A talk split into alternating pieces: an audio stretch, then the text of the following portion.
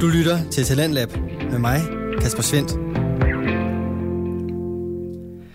Rigtig hjertelig velkommen til programmet her på Radio 4, hvor du møder nye stemmer, fortællinger og holdninger fra de af dine medmennesker, som har kastet sig ud i et øh, medie, der for alvor er begyndt at røre på sig, og som konstant udvikles af etablerede som uetablerede kræfter. Det er selvfølgelig podcastmediet, som er det store fokus her i Talent Lab, og nærmere bestemt fritidspodcast, hvor værterne bag er umiddelbare amatører, som går til podcasting i stedet for badminton eller fodbold, men som leverer alt andet end amatørproduktioner.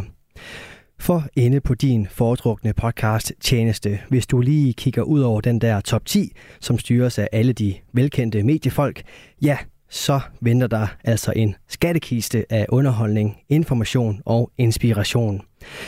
Normalt her i programmet, så får du leveret den menu i form af afsnit fra forskellige danske fritidspodcasts. Men i aften, som alle fredage denne sommer, så får du i stedet for to timers neddyk ind i podcast-universet igennem et panel af podcast-værter, som i den grad vil tale med lige netop dig. I aften der har jeg den store glæde af at være i kontakt med hele fem personer, der hver især har deres egen podcast.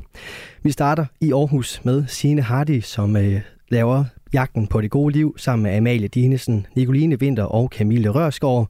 Og øh, den podcast-serie er nu oppe på 11 episoder, og øh, her er der nogle forskellige udfordringer i Jagten på det gode liv, vi skal igennem. Det kan du høre lidt senere, hvordan det lyder. I Aarhus står Mette Ås Jacobsen også. Hun laver podcasten Fucking Kronisk. Den har hun lavet 23 afsnit af. Og så er hun også tidligere paneldeltager her i programmet, da vi lavede lidt samme format i påsken. Sidste mand i Aarhus, det er Martin Engversen, som øh, står bag podcasten Tankens Randesten. Han har lavet otte afsnit, og det her det er altså en podcast om øh, tabubelagte emner med en nysgerrig og utraditionel vært. Her i København, der har jeg selskab af Markus Rasmussen, som øh, sammen med makkeren Daniel Hautmann laver podcasten Fuld Plade. Det har de nu gjort i 40 episoder, og øh, her der finder du et neddyk ind i de to værters yndlingsalbum, en rigtig nørdepodcast. Og det leder mig videre til sidste mand her i København, nemlig Mads Nørgaard. Han laver podcasten Nørdsnak. Her finder du 36 afsnit omkring tv, musik, spil og film, Nærmere bestemt alt det, Mads elsker at dele ud omkring. Velkommen alle fem. Tak. Tak. tak. Mange tak. Huh, for søren da. Bare klar. Det var en god introduktion. Jeg er vild med gestikulationen, du lige kører sådan helt fysisk. Ja, men hvis det, her, det var, hvis det her det var et tv-program, så bum, ikke? Nå, for søren da. Vi skal i gang med at snakke omkring alle jeres fems podcast, og øh, jeg synes, vi skal starte der, hvor vi startede min øh, præsentation, sine jagten på det gode liv, udfordringer af forskellige karakterer, øh, som foregår på, skal vi sige, forskellige niveauer af sådan øh, dybde og overflade. Hvad, hvordan vil du selv betegne jagten på det gode liv?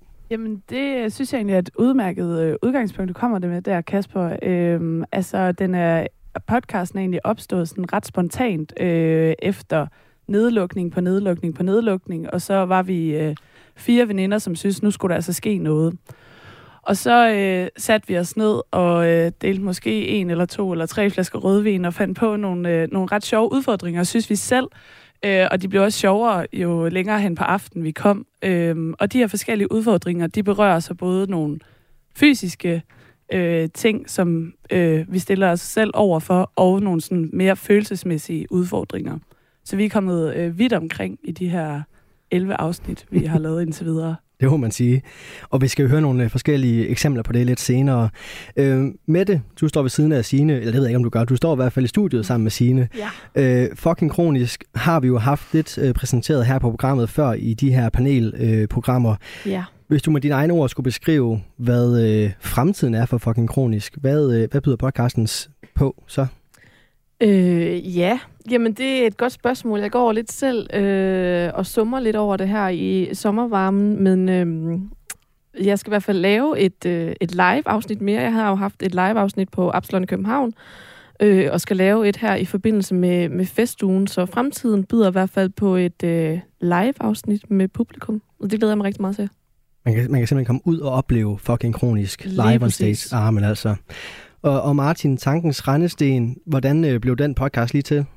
Mm. Ja, men den kom nok af, jeg tror, flere forskellige årsager. Øh, jeg var lige blevet færdiguddannet filosof, øh, og jeg gik meget og tænkte på, hvad er det egentlig, øh, jeg gerne vil. Øhm, så, og der tænker jeg meget sådan, hvad jeg egentlig reelt har lyst til, det er egentlig at bryde tabulagte emner, altså ting, der bliver forsømte. Øh, det er i hvert fald det, jeg har lært meget igennem filosofien. Og så tænker jeg, at det skal jeg prøve at skabe noget baggrund af. Hvordan når jeg ud og så prøver at bryde noget, der er tabulagt? Og så tænker jeg, ved du hvad, podcast, det kunne måske være tilgang til det. Så det var lige der, det startede. Det var sådan, hvordan kan man bryde de her emner, som folk ikke fortæller om? Hvordan kan vi kaste lys over dem? Og så udviklede det sig bare lige så stille, og så blev det til tankens rendesten. Jamen altså, så er vi jo nået til, til i dag. Markus, her i København, Ja. fuld plade. Nu sagde jeg, at det var en, øh, en rigtig nørdet podcast. Mm. Dig og Daniel, øh, som du laver podcasten med, er I rigtig nørder? Ja, fuldstændig. Øh, helt fra barnsben af, vil jeg måske også kalde det for et eller andet sted. Sådan. Ja. Og, og, og fuld plade. Et, øh, et, øh, en podcast, som dykker ned i jeres yndlingsalbum, Mm. med en masse musik, skal man huske at sige. Der, er- der, er, der er 10 numre med næsten i hvert afsnit. Vi har 12 numre med, ja. Ja, der kan du bare se. Ja, præcis. Øhm, hvorfor skulle I også have musikken med? Hvorfor kunne I ikke bare snakke om det? Øhm, jamen, vi havde lyttet lidt rundt øh, på forskellige, øh, du ved, andre programmer og noget lignende. Vi havde lyttet til nogen, hvor at, øh, så er der fire mennesker, der sidder og taler om en sang, og siger, at det her det er rigtig fedt, og det her det fungerer virkelig godt, men når der ikke er noget eksempel på det, så bliver det lidt ærgerligt, og altså, der er ikke rigtig den der forbindelse med det, med det ikke? Mm. Og så tror jeg også bare, mig og Daniel voksede jo op, altså vi er jo været 29, så vi er lidt, lidt gamle efterhånden, ikke? Men altså, vi kan jo godt huske det der med at køre bilen og høre radio og lave de der ting, og det synes vi også lidt, der manglede, fordi der er blevet rigtig meget taleradio øh, nogle gange, ikke? Eller i hvert fald nu om dagen, at det, det er nok det, jeg gerne vil sige. Den, den, tager, vi- den tager vi også lige på os her på Radio 4. Nå, men taleradio er også godt nok, når det er det, det handler om. Men hvis du sidder og skal lytte til musik, er det måske meget rart, at du også netop har det med. Øh, Så det element føler jeg var ret vigtigt for os i hvert fald. Fair square. Og, uh. og Mads, Ja, det er mig. der er ikke kun musik i din podcast, der er jo også øh, spil, tv-serier og film. Nørdsnak. Det, var- det var bare din træng til at tale om alt det, du elsker, tænker jeg. Ja, det var sådan lidt, øh, jeg var måske træt af at få, ørene, ja, at få det til at bløde ørerne på min omgangskreds, så tænkte jeg, hvis jeg så kunne øh, broadcaste det, eller podcaste det til nogen, som af en eller anden mærkelig grund deler de samme interesser som mig, så skulle de lige lov til at høre på det, og så kunne jeg sidde og brække mig mikrofonen en halv time til en time ad gang, og så havde jeg ligesom det ud af systemet. Og hermed øh, en reklame for at gå ind og høre Nørdsnak. Den abonnerer jeg på, den der. Altså det, du beskriver er jo lidt os alle sammen. Eller sted. det er det nok. Ja, det, det er Jeg, godt altså, jeg, sige, jeg synes, det lyder bedre, end du beskriver det her, Ja, det øh, glad for, men, men det synes. kan vi jo komme nærmere ind på. Nå, jamen, øh, vi skal jo snakke omkring øh, podcast i dag, og det her med at være amatørpodcaster, øh, sådan anno 2022. Og øh, I kommer jo fra mange forskellige vinkler og Mm. baggrunde ikke mindst, så, øh, så vi skal prøve at se, om ikke vi kan finde nogle forskellige fælles gode råd, som vi så leverer til sidst til vores øh, lyttere, hvis nu man sidder derude og gerne vil i gang. Og øh, det her med at komme i gang, jamen det starter jo ofte med det, at, øh, at man hører en podcast, Mm. for at man bliver opmærksom på, at det overhovedet findes. Så vi kan jo starte med at spørge omkring jeres første oplevelse med podcasting. Hvis vi skal starte i den anden omvendte rækkefølge. Mads, din første podcastoplevelse, er der noget, der sådan lige springer frem i hukommelsen der? Ja, der er der faktisk øh, en amerikansk, en der hedder Distractable, som køres af YouTuber Markiplier og nogle af hans venner, jeg lige glemt, hvad hedder, jeg tror det er Bob Meiskern og en anden. Og det er bare sådan tre gutter, der egentlig sidder og har et laugh sammen og hygger sig med det. Og det er ikke fordi, det er det samme, som jeg gør, men det faktum, at jeg er jo stor fan af dem og tænker, ej, se hvad de kan, de kan få lov til at sidde og hygge sig, med egentlig bare at, Mm. mm. at snakke med et tema, have en lille konkurrence og sådan noget, så tænker jeg, det der med at snakke, det vil jeg sgu egentlig også gerne prøve at gøre. Og, og dermed så kom nørdsnak Ja, til... altså det var sådan, ja, altså det var jo... Ja, det, det sprang også ud af, at jeg godt kan lide at formidle mine ting, så sådan, det var sådan lige måske kigget, der sagde, okay, nu, nu prøver vi fandme noget med. Og, det startede også med egentlig YouTube-podcast, men så fandt jeg ud af, at det var skide ineffektivt, og så gik jeg over til at prøve Mm. mm. at uh, tage fat i en host-side, der så kunne smide ud alle steder, og det var en super god idé. I hvert fald pengene værd. Dejligt, det kan vi jo høre lidt om senere.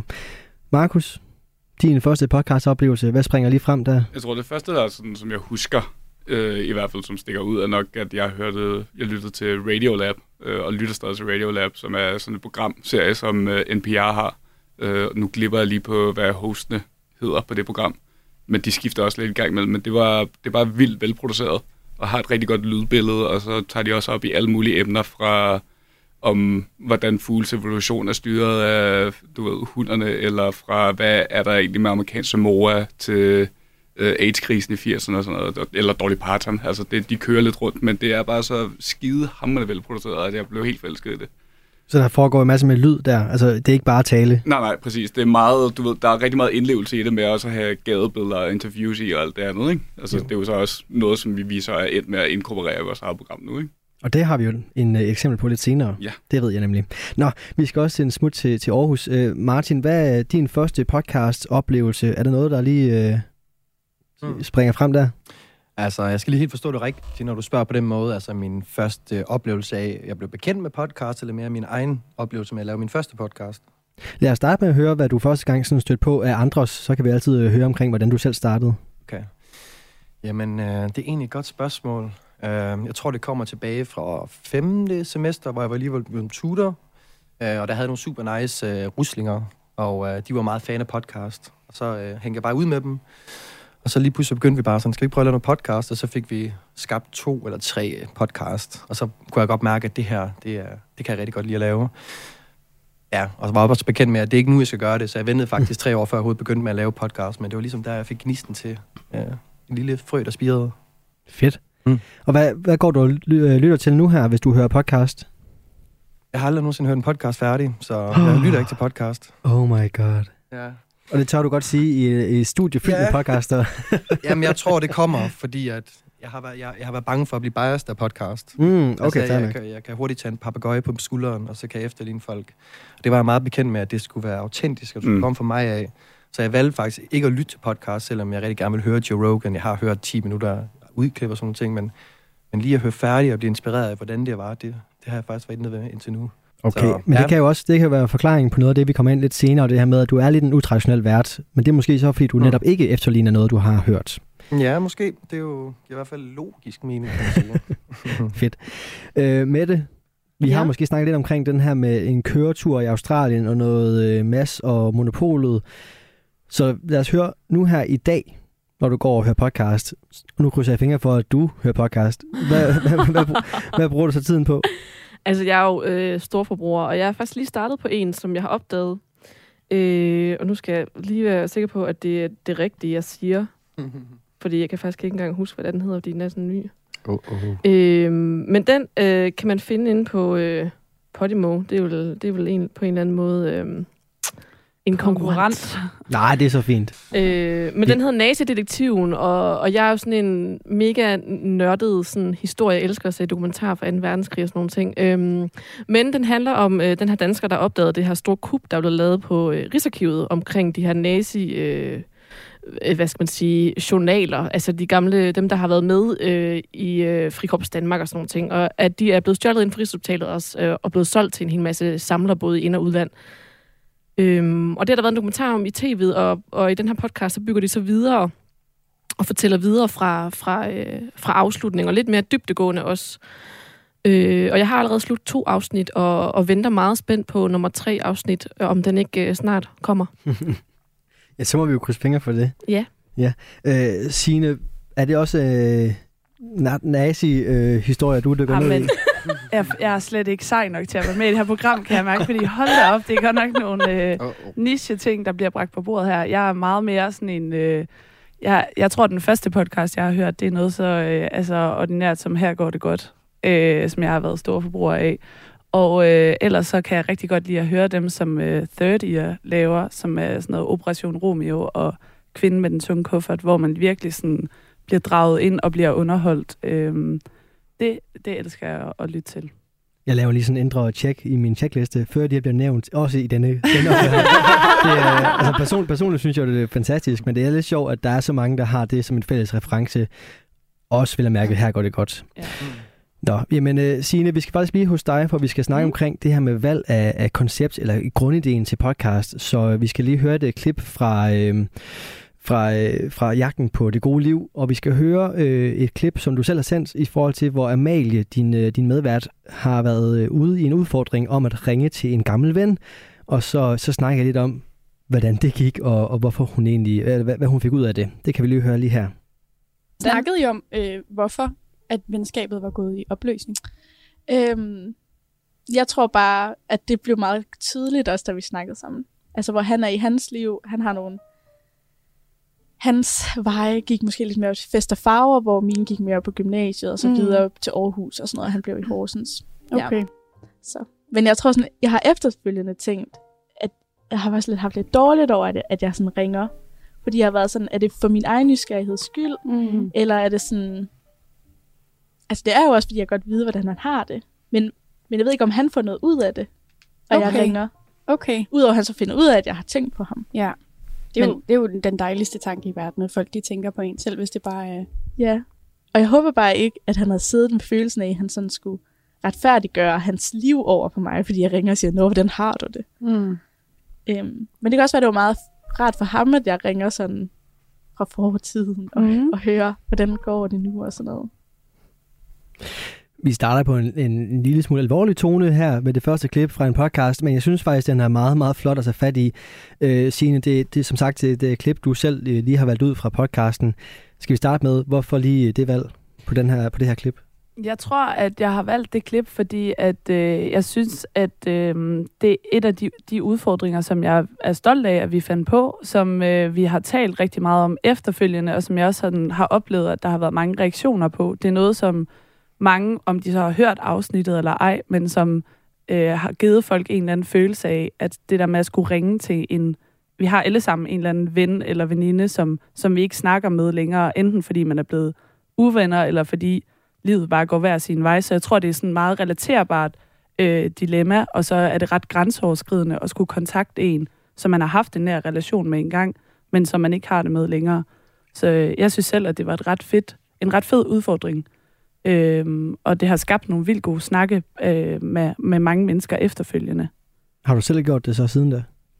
Nej, det har jeg faktisk ikke. Øhm, men øh, det, det er egentlig en god pointe, Kasper. Det kunne da godt være, jeg skulle have gjort det.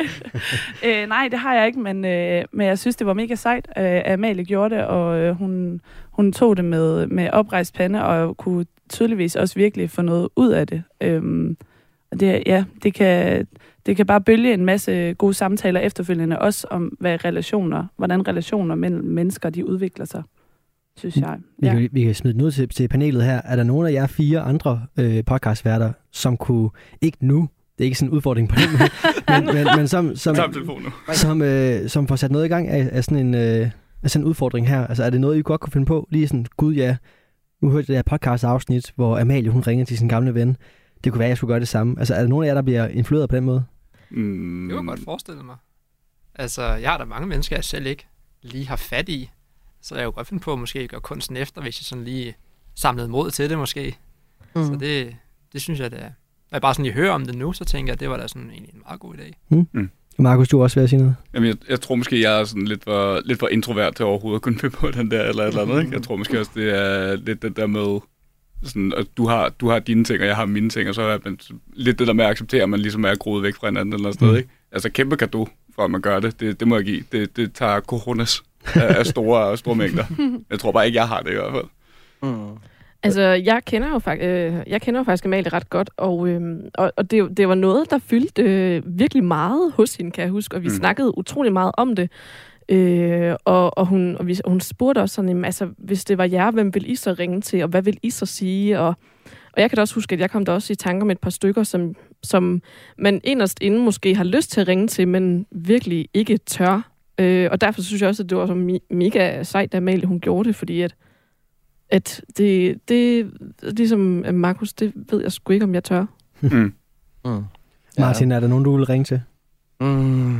Uden, uden du behøver at sætte navn på, men bare sådan, at der kommer der en eller anden lyst i dig op i, i, i, i kroppen af at høre det her afsnit, eller det her klip, undskyld. Ja, altså, jeg er heldigvis så beriget med, at øh, en af mine bedste venner faktisk er en, jeg har gået i børnehave med og kendt lige siden. Så jeg har på en eller anden måde dækket det behov, men, men, men, men ja, altså, ja, jeg bor i en lille by, og der er sådan en årlig tradition, hvor man så mødes. Vorbads Marked, skud ud.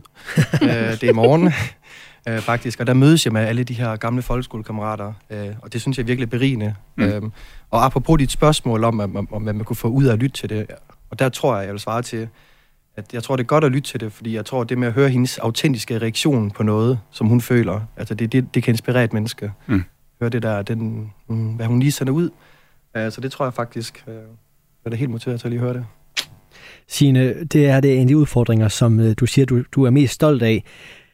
Øh, men det her med at, at, overhovedet køre udfordringer i, i programmet, øh, den idé, du nu snakker omkring, at der måske var en, øh, en flaske vin indblandet. Mm. Øh, grundideen til podcasten, grundideen til, til den her programserie om at, øh, at søge det gode liv, hvad, hvad har den gjort for dig sådan, i løbet af den her øh, tid, I har sendt i løbet af det her forår? Altså, har du blevet, er du blevet mere opmærksom på, hvad det gode liv egentlig så er, eller er du stadig øh, søgende? Øhm, altså, øh, jeg er jo så reflekteret, at jeg tænker, at man altid skal søge over det, jag, Hmm. jagten på det gode liv, men øh, jeg synes, at øh, jeg synes, det har gjort en kæmpe forskel for mig og personligt at lave det her program. Øh, det har helt klart gjort, at jeg har gjort nogle ting, som jeg aldrig ville have gjort ellers, fordi jeg ligesom er blevet presset ud i det. Øh, og så tror jeg, det har gjort mig opmærksom på, at øh, man behøver faktisk ikke at lave en podcast eller et radioprogram, hvor at man er nødt til at presse sig selv ud af nogle ting. Altså, jeg er virkelig blevet gjort opmærksom på, hvor mange gode oplevelser øh, og gode historier, man kan skabe for sig selv øh, eller sine venner, hvis man tør at gøre nogle flere ting. Øhm, og jeg tror, at en af sådan, de oplevelser, der lige sådan springer, springer lige umiddelbart frem i erindringen hos mig, det er, at jeg, øh, jeg, jeg blev tilbudt øh, at skulle ind øh, under en af AGF's øh, fodboldkampe og øh, prøve at ramme overlæggeren ud fra øh, feltet af. Og øh, det, det var ligesom lige, da vi var sådan i essensen af at lave det her radioprogram, hvor der var en stemning af, at man bare skulle prøve at gøre nogle ting. Og det tror jeg, altså det havde jeg aldrig nogensinde sagt ja til, at gå ind foran 12.000 mennesker og prøve at sparke til en fodbold. Men fordi vi ligesom var i den her stemning af, at sådan, man skal bare kaste sig ud i tingene og prøve det af, altså sådan, hvad er det værste, der kan ske, mantra. Øhm, og det, er bare, det var en vild sjov oplevelse, og det er sådan et godt minde at have med sig. Og det kan også gøre, at hvis man ligesom tør at gøre nogle ting, så det kommer den næste ting også. Det bliver nemmere og nemmere for hver gang.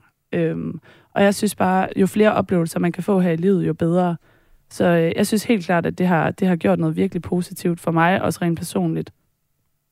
Og på den måde, så der kan man, altså, jeg synes jo, den, den, den grundidé, altså det, det koncept i, i podcasten, den øh, grundværdi, der er i det, altså, så er det sådan set ligegyldigt, hvad øh, udfordringerne går ud på. Hvis det er det, du tager med, og forhåbentlig også nogle lyttere, der tager med, så, så tænker jeg egentlig langt hen ad vejen, at missionen er klaret.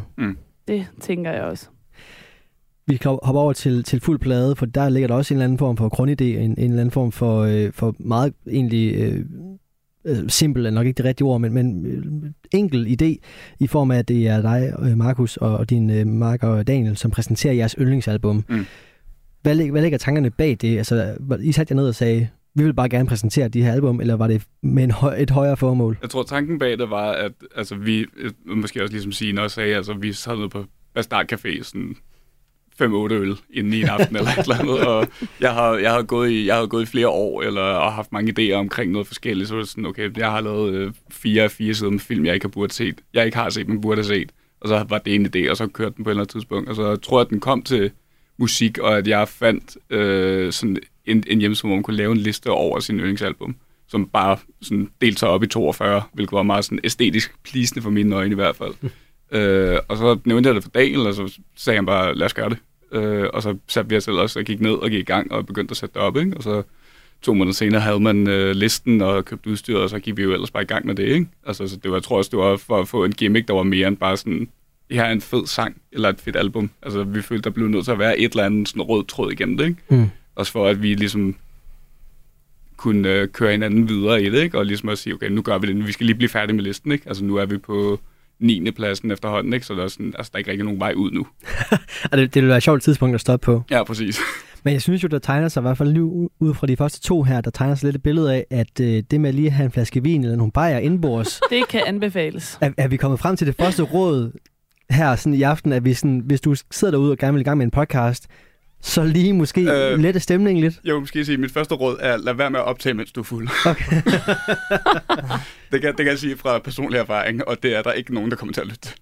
Godt, den, den sætter vi i hvert fald ja. Som en, en note på den. Så find på ideen, måske med lidt øh, hjælpemidler, Mm, men så når du så har ideen, så læg øh, de her hjælpemidler fra dig igen, og optage helt ren. Ja. Det tager vi som det første råd her i, i aftenens øh, fredagspanel. Du lytter til Radio 4. Mit navn er Kasper Svens, og jeg har besøg af fem podcastværter her i Talents Lab fredagspanelet, og øh, vi snakker stille og roligt omkring øh, det her med at lave sin egen podcast, og hvordan det egentlig ser ud sådan i, i podcast vækstlaget her i 2022. Vi skal have fat i en, en ny podcast, og øh, vi skal have fat i dig, Martin. Øh, tankens rendesten, som øh, tager fat i nogle tabubelagte emner. Mm. Og, øh, og du fik sagt herinde øh, lidt tidligere, at øh, du egentlig ikke selv hører podcast, måske mm. netop for ikke at blive, øh, blive influeret af, hvordan de andre gør. Så, så øh, det her med at vælge emne og vælge, og vælge kan man sige, podcastens øh, udtryk, hvordan har du gået til den opgave, hvis ikke du har haft... Øh, noget at skulle at, at, at trække på af idéer? Hold op. Ja, det er, det er et stort spørgsmål at sige. Øhm, jeg tror, det kom så af, at, øh, at jeg egentlig prøver at mærke efter, sådan, hvad er det egentlig, jeg vil bidrage med? Øh, vil jeg bidrage med en god latter? Vil jeg bidrage med at, at være nice på podcast? Hvad er det egentlig, jeg vil bidrage med? Så tror jeg bare, det, var, det kom til mig lidt, at, øh, at jeg så så mange mennesker, der, altså, var, der led på en eller anden måde. Og de led meget af, at de ikke fik snakket om ting. Um, så min idé, det var bare, at hvis man kan skabe et rum af en podcast-serie, hvor folk lige snakker åbent omkring det her, så kan det måske motivere folk. Og det var egentlig min grundidé. Og resten, det kom egentlig naturligt, når jeg bare tænkte på det. Hvordan når jeg derhen? Jamen, det gør jeg ved at finde de her mennesker, snakke med dem, sætte det op, så bare get out there. Ja. ja. Så, så gæsten først, og så emnet bagefter, eller hvordan? Emnet bagefter, eller hvad tænker du? Nej, men sådan, altså, du, du, du tænker måske mere, hvem, hvem der er spændende at snakke med, ja. og ikke hvad der er spændende at snakke om. Nå, okay, på den måde. Nej, først så laver jeg faktisk en sketch, en idé omkring, hvad er det for nogle emner, uh, jeg vil ind på. Og derefter så læser jeg litteratur op på dem. For eksempel, hvis nu det er et familieovergreb uh, i barndommen, så læser jeg litteratur omkring det. Hvad er det, hvad vil sige at være udsat for det som barn? Og så jeg gør mig rigtig mange tanker og strukturerer det.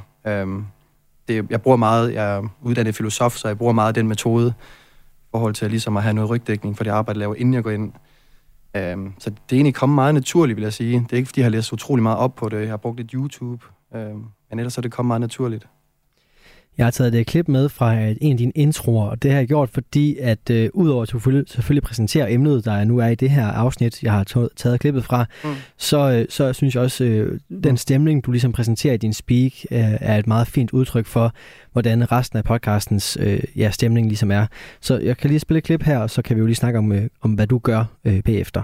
Ja. Cool. Jeg snakkede i aftes med Nicole under halvtaget. Og nogen kender måske Nicole fra reality-verden, hvor hun er medvirket i Paradise Hotel ved navnet Iron. I dag, der laver hun noget andet og skifter lidt spor og navn til Nicole. For udover fest og farver, så har Nicole knap arbejdet i den prostrerede verden i 10 år med Domina og SM i speciale. Det er det erhverv, som jeg har været meget nysgerrig på, især hvordan den fungerer, og hvilke personer, der egentlig gemmer sig bag de store runde ruder. På arbejde, der er Nicole som sagt dominator, hvor hun blandt andet sælger seksuelle ydelser som undertrykkelse, ydmygelse og at straffe mænd, hvis de ikke adlyder hendes ord. Til hverdag, der hygger hun som omkring luksuriøsitet, nyder frugterne af Edens have og hænger generelt ud med vennerne. Nicole hun er en meget stærk karakter, en sød kvinde eller mand, eller ja, female, som hun selv definerer det. Og hvad det er, ja, det kan jeg finde ud af i løbet af den næste times tid. Vældig. Og det kan man jo så, hvis man går ind og finder øh, den, her, den her episode med Nicole øh, af Tankens Rendesten. Martin, øh, det jeg snakker om det her med, at, øh, at det du gør her i din, øh, i din intro-speak, øh, det sætter ligesom øh, stemningen, sætter ligesom udtrykket for, hvordan resten af afsnittet bliver.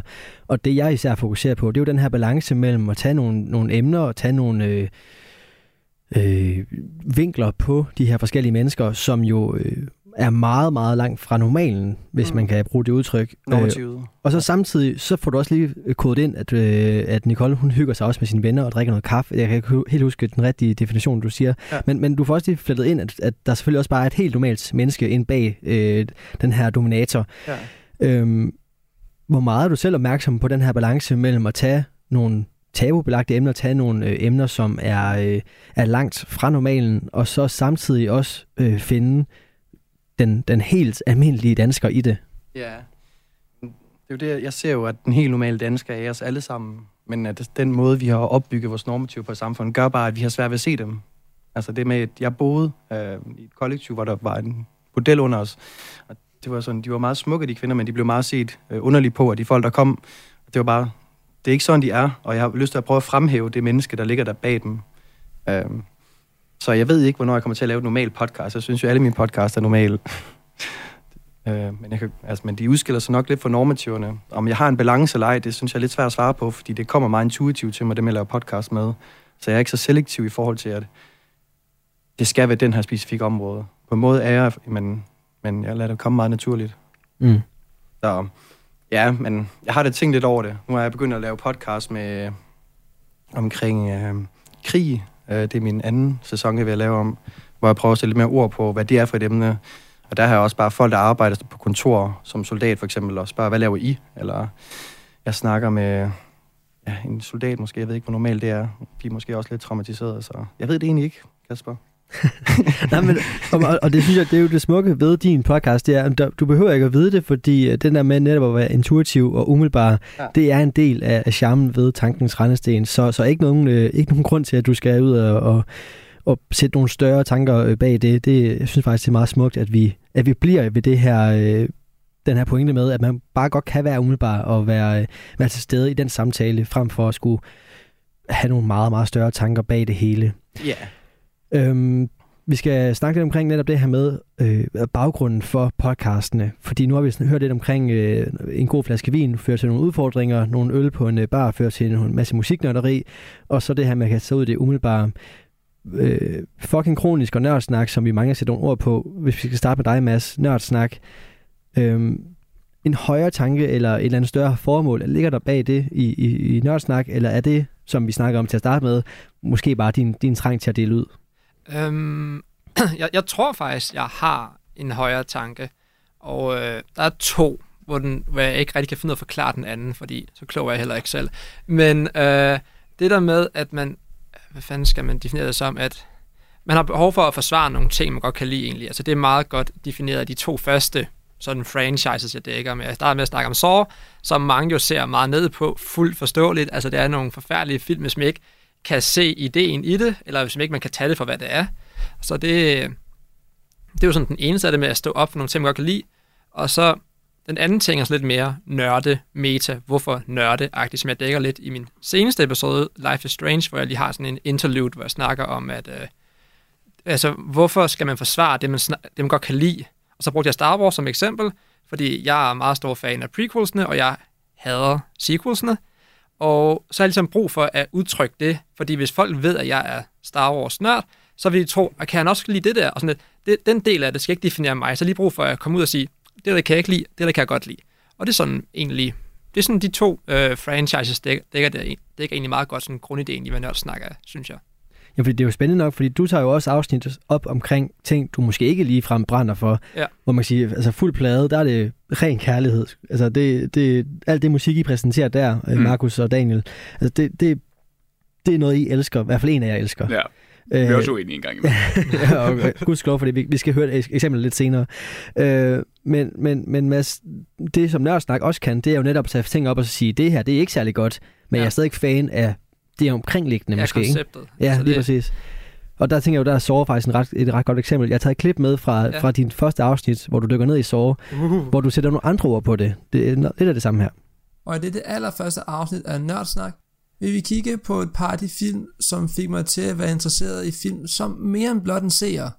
Jeg taler, som I nok regnet for titlen, om Saw-serien. Og jeg tænker nok, hvordan kan en serie, der er kendt for at være så brutal og splatterfyldt, være lige netop det, der får en til at kunne lide film på sådan lidt dybere niveau? Og det er så de spørgsmål, jeg vil prøve at besvare over de næste par episoder af det her show. Og så er der også i øvrigt en ny film i serien på vej med titlen Spiral from the Book of Saw, så jeg tænkte ligesom, at det her ville være oplagt sted at starte, sådan en form for opvarmning. Og det var det jo også. Det passede med, at du udgav de her øh, afsnit omkring sårfilmene, mm. og så sluttede af med, med en episode omkring øh, Spiral her. Noget tid senere. Noget tid, ja, men det skulle også lige passe med udgivelsen og sådan ja. noget.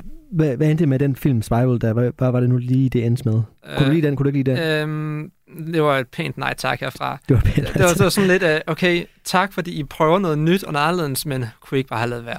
Fair. Men det skal der også være plads til i Ja, ja, det skal snak, der. jo. Det skal der. Øh, med det fucking kronisk øh, tager fat i unge kronisk syge øh, og laver interviews, og du laver interviews med dem Ja. øh, omkring deres liv, deres udfordringer, deres... Øh, du har den her slut øh, element med, at de har fået en øh, lort, men tog det som en gave. Øh, hvad dykker fucking kronisk ned i, i, i, hvis du skal bruge dine egne ord? Øhm, ja, hvad, ja, det er egentlig et godt spørgsmål, men det dykker vel egentlig lidt ned i sådan lidt der, måske også lidt, eller det Martin siger med at, at bryde nogle tabuer. Ikke så meget, ja det ved jeg ikke, at bryde nogle tabuer, men jeg, det jeg gerne ville med podcasten, det var øh, for det første at række ud til de andre kronisk syge unge, så de ligesom kunne vide, at de ikke var alene med deres udfordringer og tanker.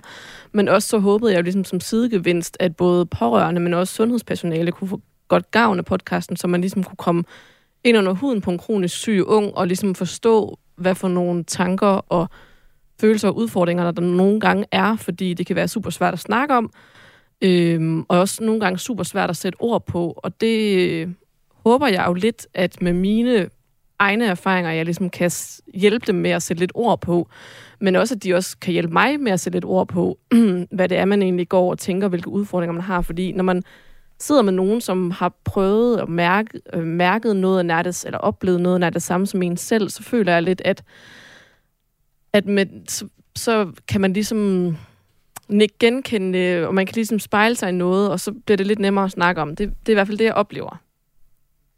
Eller Og- ikke. Ja, jeg skulle sige, det, det er jo meget sympatisk. Og man kan sige, øh, især de her, når, når du kommer ind og snakker omkring de lidt mere snævre målgrupper, øh, personale eller pårørende, øh, der bliver der jo en, en ret umiddelbar værdi i den. Altså nu kan man sige, nu, nu er jeg øh, lidt langt væk fra det her univers, som øh, du befinder dig i, og dine gæster befinder, dig i, bef- befinder sig i. Øh, men jeg får jo masser ud af podcasten, så jeg kan kun forestille mig, at dem, der- som så faktisk har det inde på livet, at de kan hive mere øh, værdi ud af, af dine afsnit. Så, øh, så på en eller anden måde er der jo også et højere formål der, øh, end der også øh, nede på lidt mere praktisk niveau. Ja, absolut. Hvad, hvis jeg nu kaster den ud sådan til, til rummet, skulle jeg sige, ude, ude, ude i stratosfæren, skal man have et, et større formål med sin podcast, eller kan man godt bare trykke optag, og så bare chill to-tre værter og hygge sig? Eller skal der være ligesom en eller anden form for øh, grundessens i, i podcasten? Nej. Nej, Nej. det vil jeg Øh, nok heller ikke sige. Det, det er en dum begrænsning at sætte op for sig selv, synes jeg. Ja. Hvis man har noget, man gerne vil snakke om, så bare snak om det. Så er det ligegyldigt, om der er et eller andet metakoncept. Det tror jeg heller ikke, der var med mig, jeg startede. Det var sådan lidt noget, en idé, jeg sådan udviklede efter, sådan jeg kom mere og mere ind i det, tænkte, hvorfor er det egentlig sådan lidt sådan selvpsykoanalyse? Hvorfor er det egentlig, jeg gør det her? Mm. Og sådan der bare, men nej, hvis du har lyst til at snakke om det, så for helvede bare gør det. Men havde du, havde du brug for at, at retfærdiggøre det? Måske lidt, fordi at det var sådan lidt, det var hårdt at holde det oppe, især hen over øh, sommeren, hvor jeg har valgt at den dumme idé, jeg vil udgive en gang om ugen. Så det, man er nød, jeg er nødt til at retfærdige over for mig selv, efterhånden som jeg skulle have en grund til at holde det kørende, hvilket jeg har gjort snart to år nu. Men til at starte med, så nej, bare slå det løs. Det er skide sjovt. Mm. Hvad siger folkene i Aarhus? Er de enige? Ja, jeg tror, at øh, det vigtigste er, at man føler, at man har noget på hjerte, mm. eller at det er noget, man er passioneret omkring. Øh, fordi så er det også noget, som lytteren kan genkende. Altså om det er, øh, om, hvad end det er, man interesserer sig for, så er det vigtigste bare, at man selv har en oprigtig følelse af, at man har noget at fortælle. Øh, og øh, det tror jeg faktisk virkelig på, at alle har. Så det skal være, at man, man skal bare gå ind med følelsen af, at, øh, at det er noget, man selv virkelig brænder for og har en stor interesse for, så, øh, så har man et virkelig godt grundlag for at lave en podcast. Ja, hørt. Mm. Altså, jeg vil sige, lige så snart man trykker på startknappen, så er der en større plan med det. Ellers har man ikke trykket på den. Nej, det er lidt det. Jeg tror også, det har noget at gøre med, sådan, det var i hvert fald det, jeg sådan gik og tænkte over, hvad, hvad, hvad, hvad vil man med den her podcast? Altså, øhm, altså, altså hvad, hvad er det, jeg vil med det? Hvad er det, jeg får ud af det? Og hvad er det, andre kan få ud af det? At man måske Mm. sådan reflekterer lidt over det, og det behøver jo ikke at være de store tanker, man har sat fra start af, men det tror jeg lidt sådan, at det sker helt, det har i hvert fald gjort for mig, sket helt automatisk, jo flere og flere episoder eller afsnit, jeg har lavet, så kommer man ligesom også til at tænke over, jamen, hvad gør det her for mig, og hvad er det egentlig, jeg... Altså nu, hvis man har snakket med nogen, der lytter til det, eller snakket med nogen lytter om, hvad, hvad gør det egentlig for dem? Altså, hvad er det, de får ud af den her podcast? Hvad er det, jeg får ud af den her podcast? Altså, at man, man, hvad er det, man vil med det? Og det, det føler jeg lidt, at det giver helt sig selv, at det kommer man til at reflektere over hen ad vejen. Ja, så være oprigtig og være sig selv, fordi øh, det er også noget, altså jo mere man er sig selv, jo nemmere har folk også ved at, at spejle sig i det, at kunne relatere til det, man taler om. Så øh, man skal have lidt is i maven og suge luft ind, og så øh, tro på sig selv, og øh, ja, være oprigtig. Og så en lille plan, vil jeg sige. Ja. En lille bitte plan, bare hvis man ikke har lyst til nogen. Men det er også det, det er lidt det der smukke ved sådan formatet eller programmet, ikke? Altså, der er jo også både, altså, der, er både eksempler på folk, der ligesom bare sidder og sådan, nu sidder vi bare og snakker og har en samtale, og så er det nok underholdende, fordi vi er gode personligheder, eller også er der folk ligesom, altså både Martin og, øh, du kan ikke huske navnet på dig, der har for en kronisk. Mette. Ja, Mette, Mette, ja, præcis. Men altså det der med, at nogle gange er der også den der, altså det er jo en meget menneskelig følelse, det der med sådan, at man skal dele et eller andet, eller hvad det, for at hjælpe på noget, bliver man også nødt til at få det ud, ikke? Altså, mm-hmm. at det er også, altså, der skal ligesom noget forbindelse imellem menneskerne, for at, øh, Ja. ja. at der kan være noget der, ikke? Om den forbindelse, det så er, jeg synes, det er det rigtig, rigtig, rigtig fedt, og det, det er noget, jeg brænder for, og det synes jeg også, at du skal have en oplevelse af, eller om det er, jeg har det her, jeg gerne vil tale om, fordi at det er meget vigtigt for mig på en eller anden måde, ikke? Men jeg synes jo, jeg synes lige, vi skal, vi skal anholde det med, hvad, altså, hvad man vil lytterne. Øh, fordi jeg synes jo især med det med fucking kronisk. Altså, som sagt, der er jo selvfølgelig en eller anden form for, for øh, grundværdi i forhold til, hvis du er pårørende, eller hvis du er kroniker, eller hvis du har nogen pro- øh, kronikere inde på livet. Men til alle os andre, som måske ikke lige er, er bekendt med, med, det, med det univers, altså, hvad vil du med, med podcasten der? Jamen altså, jeg tror da også godt på en eller anden måde, altså det tror jeg egentlig bare lidt har været en, en bonusgevinst, ligesom os at få den i gåseøjne almindelige dansker, som ikke måske lige er inde i det her system, eller hvad skal man sige, inde i det her, øh, få, dem til sådan at vide, eller få dem til ligesom at forstå, hvor stor en ting det her er, og hvor store udfordringer der egentlig kan være ved det at være kronisk syg, og så er det jo sådan set lidt ligegyldigt, hvad for en diagnose man har. Øhm, jeg bor på kollegiet, og der var en, der egentlig ikke sådan snakkede så super meget med, som har hørt en af afsnittene, og jeg tror faktisk også, det er det øh, klip der, som jeg har fundet frem til i dag, hvor hun sådan sagde, at øh, hun vidste slet ikke, hvor meget det betød. Det var, det var et af, en episode, hvor jeg havde en pige, der hed Mille hvor vi snakkede omkring ar på kroppen, øh, hvor både hun og jeg har et meget stort ar, sådan fysisk ar, hvor, hvor, hun, hvor hende fra mit kollega så sagde, at jeg vidste slet ikke, det betød så meget, og jeg vidste slet ikke, at at der var så mange tanker omkring det, og så hvis man kan plusse alle de episoder sammen, altså fordi i hver episode har jeg jo lidt et, et, et nyt, en ny rød tråd eller et nyt, nyt tema. Hvis man nu plus alle de udfordringer og tanker sammen, så, så tror jeg også lidt, at man kommer jo også til at forstå, at, at det er bare en stor ting, der fylder sindssygt meget. Og det var jo ligesom også lidt det, jeg ville med podcasten, ligesom vise, at, øh, at det er sgu ikke lige sådan helt nemt at være ung og kronisk syg, og så tror jeg egentlig lidt, alle har deres udfordringer, om så er det, at man er ung og kronisk syg, eller det er en eller anden anden ting, så man ligesom få vores perspektiv på det, eller vores Mm syn. Vi kan lige tage det her klip, du, du snakker om med, med Mille og, og ar på kroppen, fordi det er et, et ret... Øh, det er et ret stærkt øh, klip, som, øh, som jeg synes, du har fundet frem. Øh, nok især for sådan en som mig, som ikke har det tæt på, tæt på mig, øh, hverken øh, kronisk, øh, øh, hvad hedder sådan noget, øh, selv eller nogen jeg, nogen, jeg kender. Så, øh, så på den måde, så er det jo øh, et, et... Jeg kan godt se mig selv i den situation, som, øh, som øh, Mille beskriver her. Vi kan lige høre det, så kan jeg forklare lidt nærmere om, hvad, hvad det egentlig jeg mener med det det påvirker en meget mere i den alder, der er. Men jeg synes altså, at det... Ikke fordi det ikke vil gøre det i dag. Nej, men jeg har oplevet det også men- i sommers. I sommers? Ja, faktisk. Altså nu behøver vi selvfølgelig ikke at gå meget ind i det, men, men hvor, hvor jeg havde set en fyr i noget tid, og, øh, og det skulle ikke være. Så øh, jeg sagde nej tak, det, vi skal ikke ses mere. Øh, og så blev han øh, meget, meget vred. Og så gik han ind i en øh, lang besked, hvor han lige fik blandt andet fyret af, at, øh, at det blev spændende, hvornår at jeg ville møde en ny, og om han også ville brække sig over mit ar på maven. Ej, det er løg. Det der, det er jo mit værste mareridt. Jamen, det er jo det. Altså, og jeg er rasende. Men, og helt vildt ked af det, fordi det er jo sådan noget, hvor jeg så tænker, er det sådan, alle mænd har det, når de ser et menneske, der ser anderledes ud? Og jeg skal jo ikke skære alle folk over en kamp, men han ødelægger da helt klart noget for både min selvtillid, men også sådan troen på, at det betyder ikke så meget. der sker to ting, når jeg hører det her, det her klip, og det er egentlig, at jeg kan sætte mig ind i, i begge øh, personers sted, altså både Emilie og så den her fyr. Øh, når, når, man, når jeg sætter mig ind i Milles sted, så er det jo alle de gange, nogen har bekræftet en eller anden usikkerhed hos mig, og andre gange, og at, at, at det her med, at jeg sætter mig ind i fyrens øh, sted, det er jo de gange, hvor jeg forhåbentlig ubevidst øh, har har bekræftet andres øh, usikkerheder. Øhm, men øh, du, du bruger jo dig selv meget i podcasten, og også øh, i, den her, i det her nye klip, der får du også sagt noget omkring, hvordan det betyder noget for dig. Øhm, er der et håb i podcasten om, at øh, alle os, som måske ikke helt, øh, altså som, som, som står uden for den her øh, kroniske sygdom, at vi øh, opfører os bedre, eller hvad, hvad er ligesom meningen med det her klip, du har taget med? Eller har, øh, har budt ind på? Øh, jamen altså, det, det ved jeg ikke. Altså, håb. Altså, det, det skal siges, at, at det her, det var jo en det fortæller Mille også i episoden, det var jo en reaktion i afmagt og vrede, fordi han var super ked af det og skuffet over, at Mille havde afvist ham. Og, og hun har også fået en undskyldning bagefter, men det, altså, det ændrer jo ligesom ikke på, at hun har haft den her følelse om, at hun synes, at det, det var pissehårdt.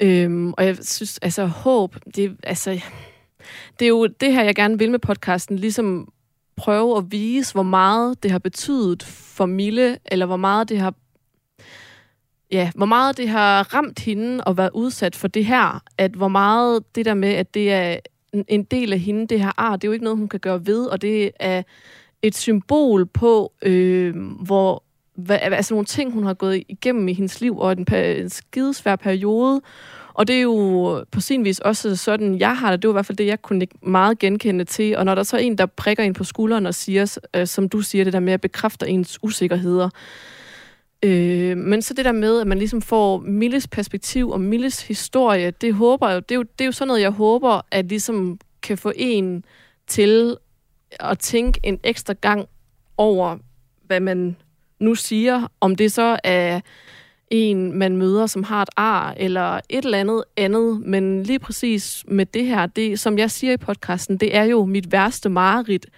at der er en, der ser mit ar og siger, hold kæft, hvor er det grimt, eller hvor, ser, hvor er det ulækkert, eller sådan et eller andet. Øhm, og senere i episoden, der snakkede vi også om meget det der med, sådan, hvor stort et dilemma er det der med, om man skal have øh, korrigeret sit ar. Altså det der med, om man, om man vil øhm, ofre penge og tid og kræfter på at få gjort det pænt. Øh, Milles er, øh, det, i podcasten, der beskriver vi hinandens ar, og det er jo, det er jo, det er jo super dårlig radio egentlig. øh, men, men, øh, men Milles er super smukt og sådan meget... Øh, det går meget i et med hendes hud, og, og selvom jeg synes udefra, at det næsten var usynligt, så kan det jo stadigvæk godt rumme en masse følelser hos hende. Øhm, og vi snakkede meget om det der bagefter, om man, om man vil korrigere sit arm, man vil få det gjort pænere, man vil få gjort det mere usynligt, hvor jeg også sådan, det er et mega meget dilemma, fordi på den ene side, så vil man gerne have, have det gjort, fordi det er så stor en usikkerhed, men på den anden side, så har man jo også det her ar som et symbol på nogle ting, man har været igennem, og en eller anden, på en eller anden måde også et eller andet... Øhm, jamen, et eller andet mærke på, at man har overlevet nogle ting. Altså, man har gået igennem nogle ting, som nu, altså, som, som på trods af det, at man så... Åh, oh, kæft, men det lyder så klichéagtigt. Men på trods af det, at man så står den dag i dag og ligesom øh, øh, har, det, har det godt og kan nogle flere ting og har ligesom gået over det her bum på vejen. Det giver sindssygt god mening. Ja, men hold kæft, for lyder det klichéagtigt. Nej, jeg sidder og ja, får kuldegysninger, selvom der er mega varmt ja, men, øhm, men, men det, og det var også derfor, jeg tog det der, øh, det, det der klip, fordi det var, bare, det var bare et mega fedt klip, og det er det, jeg også synes, at podcast kan. Øh, selvom jeg får interviewer dem, som jeg senere hen interviewer, så kommer der altid overraskelser. Så det her, det var en kæmpe overraskelse. Det anede jeg ikke, at Mille havde været udsat for.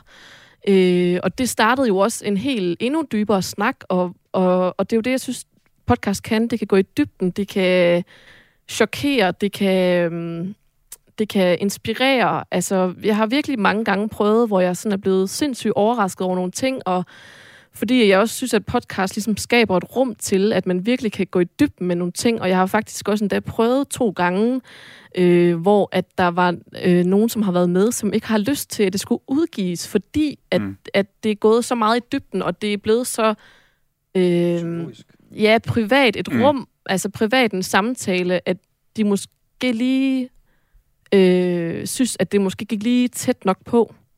Ja, kender. Så, ja. så, så ja, det er, jo det, det er jo det, jeg synes, podcast kan. Det er det der med at kan gå i dybden. Det kan chokere, det kan inspirere, det kan bare så mange ting. Men jeg synes, jeg synes netop det der med, altså, øh, det, som, som du startede det her på med, at det er jo det, man gerne vil lytterne, ikke? Altså man vil gerne skabe den bro øh, øh, mellem alt det, som, øh, som dine gæster og du kommer med, og så det, som øh, dine lyttere får ud af det. Ja. Altså der er en eller anden sådan relaterbarhed i de her fortællinger, som jeg måske ikke, jeg kan ikke genkende det en til en i mit liv, men alligevel så kan jeg faktisk øh, bruge det til et eller andet. Mm.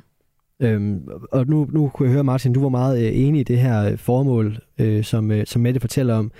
Men, men du i høj grad jo udfordrer dine lyttere øh, med dine emner og din tale, altså med, Mm. mm. dine, med, dine, med dine gæster. Spørgsmål. Øhm, så, så, ja, men, ja, undskyld, med dine spørgsmål, ja. Så, så søger du samme bro, eller søger du måske mere at udfordre dine, dine gæster? Eller dine lytter, undskyld. Jeg tror, jeg søger, at, øh, at hvis de ikke kan sætte ord på det, så er der ingen, der kan. Så er der ingen, der kan. Altså, hvis de ikke kommer ud og fortæller den historie, de er i, så kan vi måske læse teori på baggrund af det, og så danne sådan en forestilling omkring, hvordan det kan være. Men, men så mine spørgsmål er lidt drillende, det kan jeg godt lige at sige i stedet for. Jeg kan godt være lidt direkte, men lidt mere drillende, sådan meget sokratisk orienteret. Jeg ved ikke, om I kender den sokratiske dialogform, men det er meget sådan spørgende. Man spørger ind til bossordene, der ligesom, hvis de siger et eller andet, der berører sig, så er det det, man går ind i. Frem for ligesom at have en fuldt struktureret interview. Mm. Så ja, jeg vil da... Ja. Jeg synes, vi skal, vi skal lige runde af på en, øh, et lidt mere upbeat øh, hvad hedder sådan, følelse. Mm. Men vi skal stadig blive der med, med at udfordre, fordi jeg har taget et klip med fra, øh, fra fuld plade. Og, og på at udfordre sine lyttere. Nå, okay, ja. Øhm, det som øh, Markus, det som øh, du og Daniel gør i, jeres podcast, det er jo, at I tager jeres udlændingsalbum øh, øh, album med, Ja. og så præsenterer I det for hinanden. Og normalt, som vi snakker om tidligere, så er I jo egentlig meget enige, og jeg kan Ja. godt give den op for hinanden og sådan noget. Du har taget et, et, øh, album med fra Death Grips. Ja. Øhm, vi kan lige høre klip her, og så kan du selv sætte ord på, hvorfor i alverden Daniel, og nok især lytterne, skulle ud, udsættes for det her. Ja. Jeg har som sagt taget Def Grips øh, studiedebut med, The Money Store. The Money Store. Og hvorfor har jeg taget det med? Jeg har taget det med, fordi at det er det musik, jeg kender, eller som jeg lytter til. Ikke jeg kender, men det musik, jeg lytter til, som jeg vil sige er tættest på støj. Og det var også et album med noget musik, der udfordrer mig i, i lang tid, og det sætter jeg meget, meget pris på. Mm. Øh, på trods af, at det her Money Store er faktisk ikke mit yndlingsalbum fra dem, men det er nok det, jeg vil sige er mest tilgængeligt. ja, okay. Så jeg synes, jeg synes, hvis man skulle introducere det til folk, så var det her et meget godt bud på at komme ind på det. Mm. Det kan vi skal høre til en sang, så uh, lytterne er med, og så Ja. kan vi snakke om det. Lad os starte med nok det største hit derfra, der hedder I've Seen Footage. Et, øh, en sang om paranoia på øh, internettet i de her store globaliserede samfund. Get up. These, not wasting, swallow my knees. I stay knees. I stay up. det mest tilgængelige nummer på den her plade. Ja. Yes. Øh, ganske kort. Hvorfor i alverden skal Daniel og, og, og vi lytter udsættes for det her? Men det er jo, altså det tror jeg også lidt af, det er jo det, der er smukt ved musik øh, og kunst, om det så er brugskunst eller øh, malerier eller hvad det nu er. Det er jo det her med, at man ligesom også, altså både for en kronisk og tankens randsten også siger det med, at man altså sætter ord på eller fremlyser et eller andet, der er i samfundet, eller i hvert fald kigger på noget inde i sig selv, og så kommer ud med det og projekterer det. Ikke? Og så øh, for mig, i, øh, i Defcons tilfælde, er det jo så mere det her med absurditeten i det hele, ikke? Og der, øh, den grund er deres musik også vildt absurd på mange måder, ikke? Men, Jo, men- jeg synes, øh, men jeg synes, det er vigtigt, at, øh, at den følelse også er der, og det er også reelt, og at man også ligesom mærker, hvad er grænserne for, hvad jeg kan, og hvad jeg, hvad jeg har lyst til, eller hvad jeg i hvert fald har brug for nogle gange, ikke? Og det er jo, jeg synes jo, det, det er meget smukt i forhold til, hvad du, hvad du bringer med til podcasten. Mm. Hvad, hvad er det, du gerne vil have, jeg skal bruge den til, eller lyt, øh, lytterne skal bruge det til? Det er den her albumoplevelse, eller i hvert fald det her med at mærke musikken sådan inden i sig, og også for det videre, ikke? Fordi jeg tror, både for mig og Daniel, og grund til, at vi har det, er jo fordi, at vi elsker at lytte til musik, og vi elsker at sidde og diskutere musik, og det, vi vil også gerne give det, og specielt sådan et helt album, eller i hvert fald følelsen af sådan det her lukkede stykke kunst, der er nogen, der har lavet, ikke? Og så prøve at give den følelse videre, ikke? Fordi at når vi også lever en tid nu med streaming og playlister, hvor det hele er sådan lidt øh, tilfældigt, og det kører bare ind, og man får så mange indtryk, så det er meget rart at få sådan en helt, et helhedsbillede af, hvad noget er, ikke? Og ligesom at få den følelse tilbage, øh, og også give det billede af, sådan, altså, der er også andet end bare, du ved, Danmarks top 40 i øjeblikket. Og man kan sige, at jeg startede den her, den her time med at snakke omkring, at hvis man lige kigger ud over top 10 i, på podcast-playlisten, mm. altså, så finder man jo sådan nogle som jer, og finder måske lidt mere øh, ja, øh, uetablerede kræfter, men som faktisk prøver noget nyt, og som øh, bringer, bringer udvikling i det her podcastmedie. Mm. Og præcis udvikling i podcastmediet skal vi tale om i time 2. Og øh, det skal du altså have øh, her i næste time af Talents Lab, men først så skal vi altså lige have en omgang nyheder.